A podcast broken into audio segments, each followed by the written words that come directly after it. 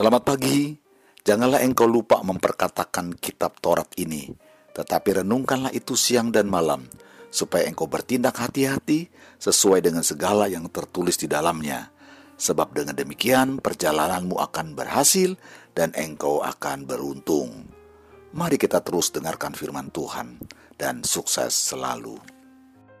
Shalom Bapak Ibu, saudara-saudara yang dikasih Tuhan, senang sekali kita bisa jumpa lewat uh, Good News di mana kita belajar firman Tuhan, merenungkan firman Tuhan bersama-sama dan melakukannya bersama-sama.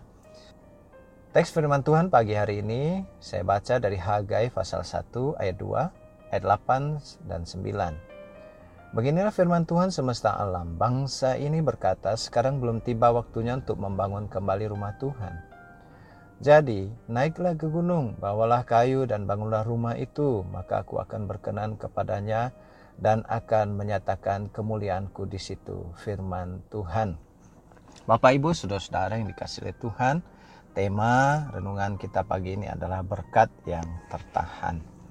Saya akan menceritakan terlebih dulu sedikit dari latar belakang ayat ini. Nah, Bapak Ibu, ini adalah umat Allah yang di kembalikan setelah dari pembuangan dikembalikan ke Yerusalem untuk membangun membangun bait Allah.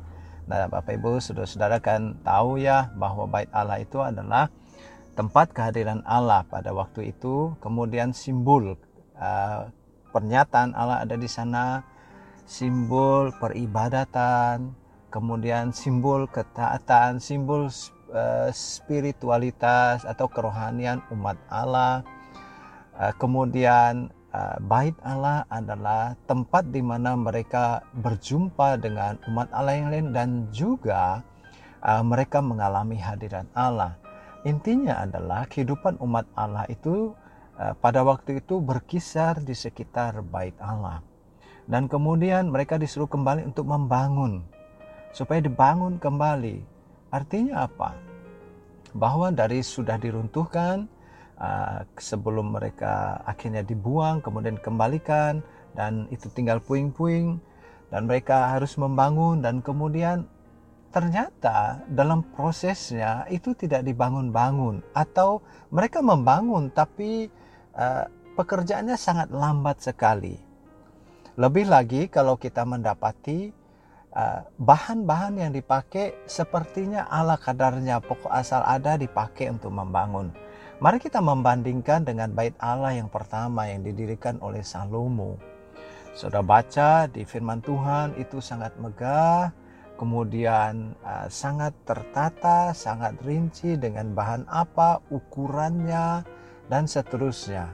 Uh, intinya bahwa bait Allah telah dibangun dengan dedikasi yang sangat tinggi, dengan pengabdian, pengorbanan yang sangat besar, uh, kemudian tidak hanya dengan pengorbanan yang sangat besar, tapi dengan ketulusan dan kesungguhan.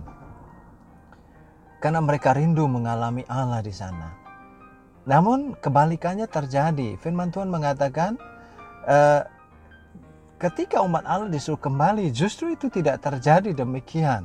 Ya, pembangunannya sangat uh, pelan dan bahan-bahan yang dipakai juga tidak lagi serinci sebelumnya, asal ada Bapak Ibu saudara-saudara yang dikasih Tuhan, apa yang kemudian terjadi? Firman Tuhan katakan, kamu mengharapkan banyak tetapi hasilnya sedikit. Dan ketika kamu membawanya ke rumah, aku menghembuskannya. Oleh karena apa? Demikian firman Tuhan semesta alam. Oleh karena rumahku yang tetap menjadi rentuhan sedang kamu masing-masing sibuk dengan urusan rumahnya sendiri. Nah, apa yang terjadi kemudian adalah rupa-rupanya berkat yang harusnya mereka terima, berkat yang harusnya mereka alami. Kemudian itu tertahan, saya menyebutnya tertahan, tidak mereka terima sepenuhnya. Firman Tuhan katakan, kamu punya ternak yang harusnya mungkin punya anak sepuluh, tapi ternyata kamu hanya memiliki satu. Kamu punya kebun anggur yang harusnya panen, 100 eh, bagian namun kamu hanya panen 10 bagian saja dan seterusnya ada bagian berkat yang tidak diterima dan mereka hanya menerima sangat sedikit Yang lain ke mana tertahan? Oleh karena apa Bapak Ibu? Firman Tuhan katakan, karena kalian mengabaikan rumahku, mengabaikan bait Allah. Bapak Ibu, saudara-saudara, ini uh, persoalan yang sangat serius, pengabaian pekerjaan Tuhan. Nah, Bapak Ibu, saudara-saudara yang dikasih Tuhan, bait Allah yang pertama dibangun dengan uh, begitu bagus dengan pengorbanan yang sangat tinggi, dengan ketaatan, kesungguhan, dedikasi yang tinggi, dengan bahan-bahan yang sangat rinci, uh, dan selanjutnya. Namun yang berikutnya adalah asal, bahan asal, kemudian waktu yang diberikan juga asal, kemudian uh, dedikasinya asal, kesetiaan juga asal, kesungguhan asal-asalan. Itu yang terjadi. Firman Tuhan katakan, mengapa itu terjadi? Karena kamu sangat mementingkan rumahmu. Itu yang firman Tuhan katakan. Oleh karena itu berkat itu tertahan. Ya, sebagian besar tertahan. Kamu hanya menerima berkat dariku sedikit. Nah, Bapak Ibu, saudara-saudara yang dikasih Tuhan, saya pikir kita bisa belajar sesuatu dari narasi firman Tuhan yang kita baca, kita renungkan pagi ini.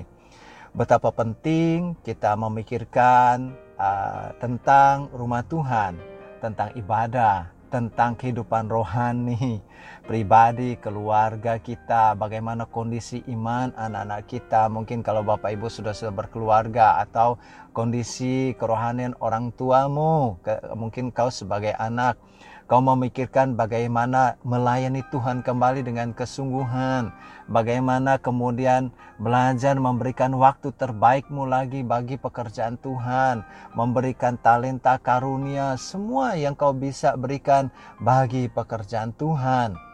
Bapak Ibu saudara-saudara yang dikasih Tuhan hari ini, saya pikir kita mengalami banyak situasi yang sama. Ada banyak situasi yang sesungguhnya secara akal sehat dapat kita jadikan alasan yang masuk akal kemudian untuk sangat mementingkan diri sendiri sangat mementingkan rumah sangat mementingkan pekerjaan diri sendiri sangat mementingkan usaha sendiri sangat mementingkan keuangan pribadi kita sendiri sangat mementingkan diri sendiri itu intinya dan itu masuk akal karena keadaan-keadaan yang mungkin mirip yang kita alami belakangan ini hari-hari ini. Namun firman Tuhan katakan apa yang terjadi dengan kehidupan umat Allah. Engkau menerima sedikit dari berkat yang harusnya sepenuhnya engkau terima. Sebagian besar tertahan dan engkau hanya menerima sebagian kecil karena apa? Karena engkau sangat mementingkan diri, engkau tidak lagi memikirkan Allah dan pekerjaannya dan engkau akhirnya menerima berkat yang sangat sedikit. Bapak Ibu saudara-saudara dikasih Tuhan. Mari jika Tuhan masih berikan kita kesempatan, kita rindu bahwa berkat yang Allah sediakan bagi kita sepenuhnya kita alami. Tapi firman Tuhan katakan kita juga perlu menyeimbangkan, kita mulai memikirkan apa yang harus kita pikirkan dari pekerjaan Tuhan. Apa yang harus dapat kita berikan bagi pekerjaan Tuhan apa yang dapat kita lakukan bagi gereja, bagi jiwa-jiwa, bagi hamba Tuhan, mungkin gembala yang melayani, bagi anak-anak sekolah minggu, bagi kaum muda, bagi jemaat dewasa, lansia, orang-orang yang berkekurangan, bagi janda-janda tua, bagi fakir miskin. Itu semua bagian dari pekerjaan Tuhan. Firman Tuhan katakan, ketika engkau berbalik, memikirkan juga pekerjaan Tuhan, tidak hanya kehidupan rumah tanggamu, tidak hanya tentang dirimu, Firman Tuhan katakan, maka tidak ada alasan bagi Allah untuk menahan berkatnya. Mengapa berkat sebagian besar tertahan? Karena kita sangat mementingkan diri sendiri. Mari kita ubah hari ini sebagai Tuhan kasih kesempatan. Dalam nama Yesus. Amin. Puji Tuhan, saudara yang dikasih Tuhan, saya percaya firman Tuhan menjadi berkat dan kekuatan buat saudara semua. Tuhan Yesus memberkati saudara semua. Sampai jumpa dalam renungan yang berikutnya. Hallelujah.